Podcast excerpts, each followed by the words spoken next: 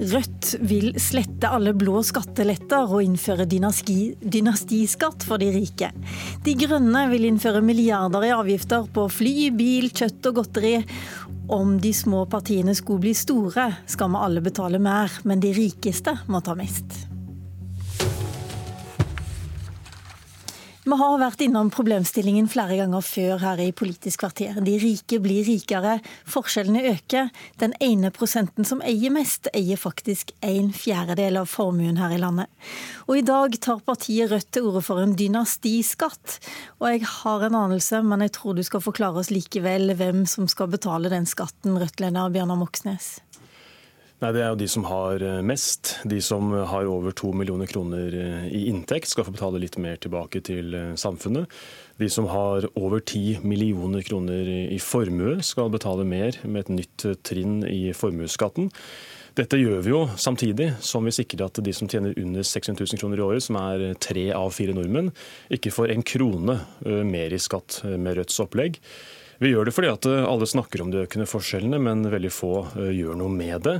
Eh, vi trenger eh, nye velferdsreformer som eh, løfter de som har minst, bl.a. gjennom å fase inn gratis tannhelse, øke barnetrygden, sikre velferden i kommunene. Nå tar du hele budsjettet på første spørsmålet her. Nei, men da må vi også sikre inndekningen til disse velferdsreformene. Og da reverserer vi de skattekuttene som høyreregjeringa har, har gjennomført. Fordi det er mulig, står det på framsida av det alternative budsjettet som dere skal legge fram i dag. Men eh, selv om du skulle få alle de ni stortingsrepresentantene som er inne på ANB sin siste meningsmåling, så er dere langt unna gjennomslag. Vi må jo få med oss flere partier, helt åpenbart. Men jeg vil jo da si til eh, Arbeiderpartiet at eh, med vårt opplegg så er vi tilbake på skattenivået vi hadde med Jens Stoltenberg som statsminister. Og Jens eh, han var jo ingen skjeggevara, eh, men det var altså 27 milliarder mer kroner til velferd eh, da de gikk av i 2013, enn etter kuttene fra de borgerlige. Og vi trenger disse pengene, også fra de rikeste, for å finansiere velferden og for å utjevne forskjellene, som alle snakker om, men som veldig få partier faktisk gjør noe med i praksis. Du nevnte Arbeiderpartiet. La oss høre med Rigmor Aasrud, finanspolitisk talsperson i Arbeiderpartiet. Dere har kritisert disse skattelettelsene hvert eneste år. Er det mulig eh, å gjøre om på litt mer enn det, de fem milliardene som dere har snakka om? Er det noe som hindrer dere fra å gjøre det som Rødt eh, sier her, å stryke alle skattelettelsene faktisk på ett år? For oss er eh, det skatteopplegget vi har lagt fram nå et godt opplegg, syns vi. Vi møter Rødt på veldig mye av det de er opptatt av. Vi har en mer omfordelende profil i vårt skatteopplegg. Og så tror jeg vi må ta det skritt for skritt. Eh, det å legge økt eh, beskatning på de store formuene er vi enige. Og vi er også enige om at vi må skjerme de med de laveste inntektene i vårt opplegg. Så får de som har under 750 000 ingen økt inntektsskatt. Og, jeg mener at det gir en god profil uh, innafor de, det som er fornuftig å ha skatteøkninger på ett år. Jeg skjønner at du snakker om det som er fornuftig for dere, men Rødt ønsker altså å samarbeide med dere. Og da eh, sier de at det må absolutt mye hardere lut til. Jeg tror enhver, I enhver regjeringsforhandling så vil det være diskusjoner også om skatt mellom de partiene som skal inn i regjering. Det ser vi jo nå med Kristelig Folkeparti og regjeringa som sitter og diskuterer. Og det vi hører om er jo skatt. Så det vil være helt naturlig. Så, så har jo vi sagt at det i alle fall nå ikke er aktuelt å, å gå inn i et, en regjeringssamarbeid med Rødt. Men det vil jo tida vise når det er uh, tid for å danne en ny regjering. De, Senterpartiet og SV har vært i regjering sammen med oss tidligere, og det vil jo være våre naturlige samarbeidspartnere i en eventuelt ny regjering. Og Da må skattegrunnlaget avklares, og vi må også ha samtaler med de partiene som vil støtte en sånn regjering. og Der ser jeg jo at Rødt og vi går i samme retningen, eh, men vi har altså noe mindre skatteøkninger eller det jeg forstår Rødt har tenkt å foreslå i dag. Noe, noe mindre, Moxnes? Ja, det er jo mange år siden eh, Arbeiderpartiet gikk inn for en stor eh, og ny velferdsreform. og Det er jo ikke rart, for de har jo fryst skattenivået eh, på det som har vært til enhver tid den sittende regjeringas skattenivå gjennom mange år. Hvis vi da henter inn mer fra de rikeste, så kan vi både finansiere ny velferd, som gratis tannhelse, gjøre barnehagen gratis, årskull for årskull sikre velferden i kommunene. Men vi kan også motvirke dynastitendensene vi ser i den norske eliten, ved at åtte av ti eh, på formuestoppen er arvinger, ved at de 400 rikeste i dag eier like mye som det norske statsbudsjettet i sum. Dette syns jeg ikke Arbeiderpartiet på langt nær eh, gjør noe som helst eh, som, som monner med, mens med vårt opplegg så er vi i hvert fall i gang med å utjevne forskjellene noe mer, og sikre nødvendig finansiering til felles velferd som kan løfte de som har minst fra før.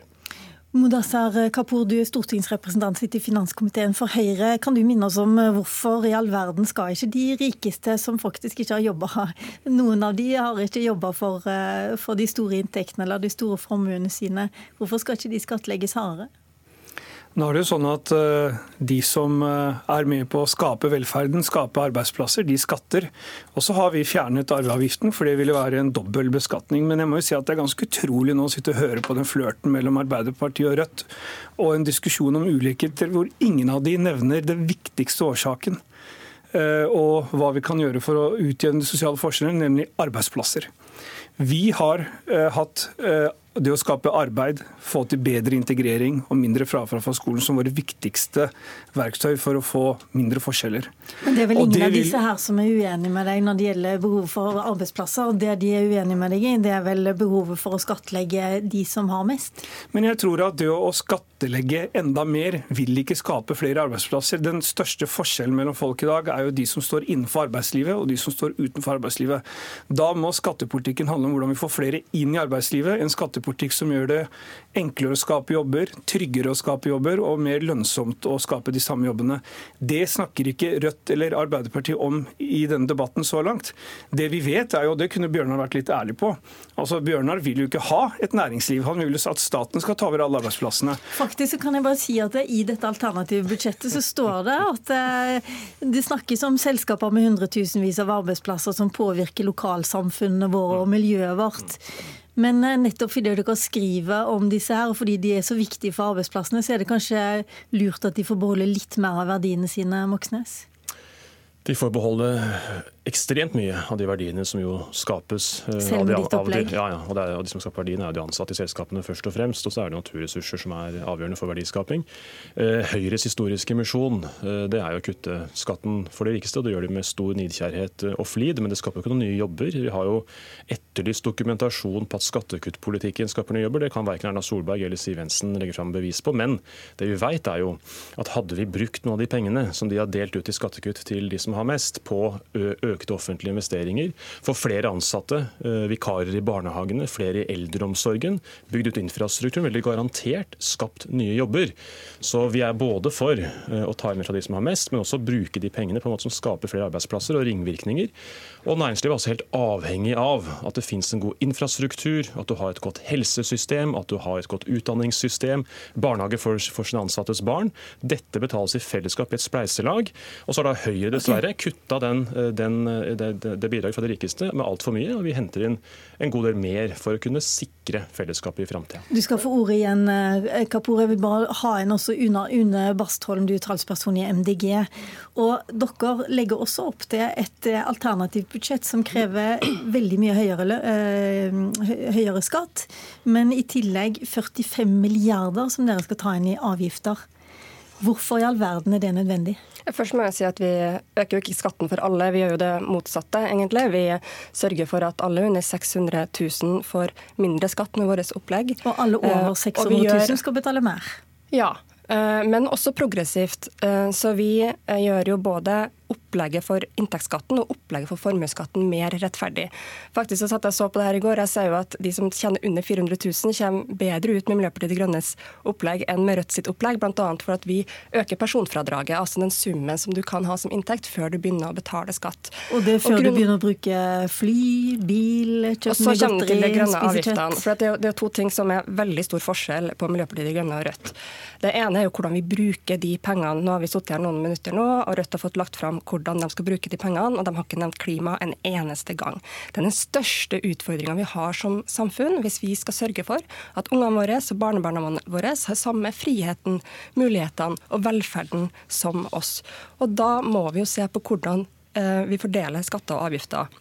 Og det er et veldig godt grønt prinsipp å skattelegge forbruk mer enn det å være i jobb. Og det vi gjør, eh, er jo å sørge for at f.eks.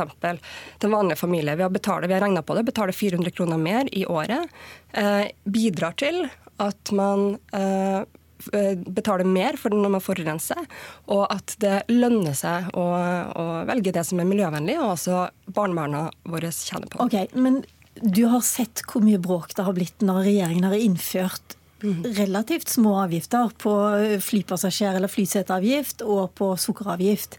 Dere skal gange det med 10-15-20 ganger.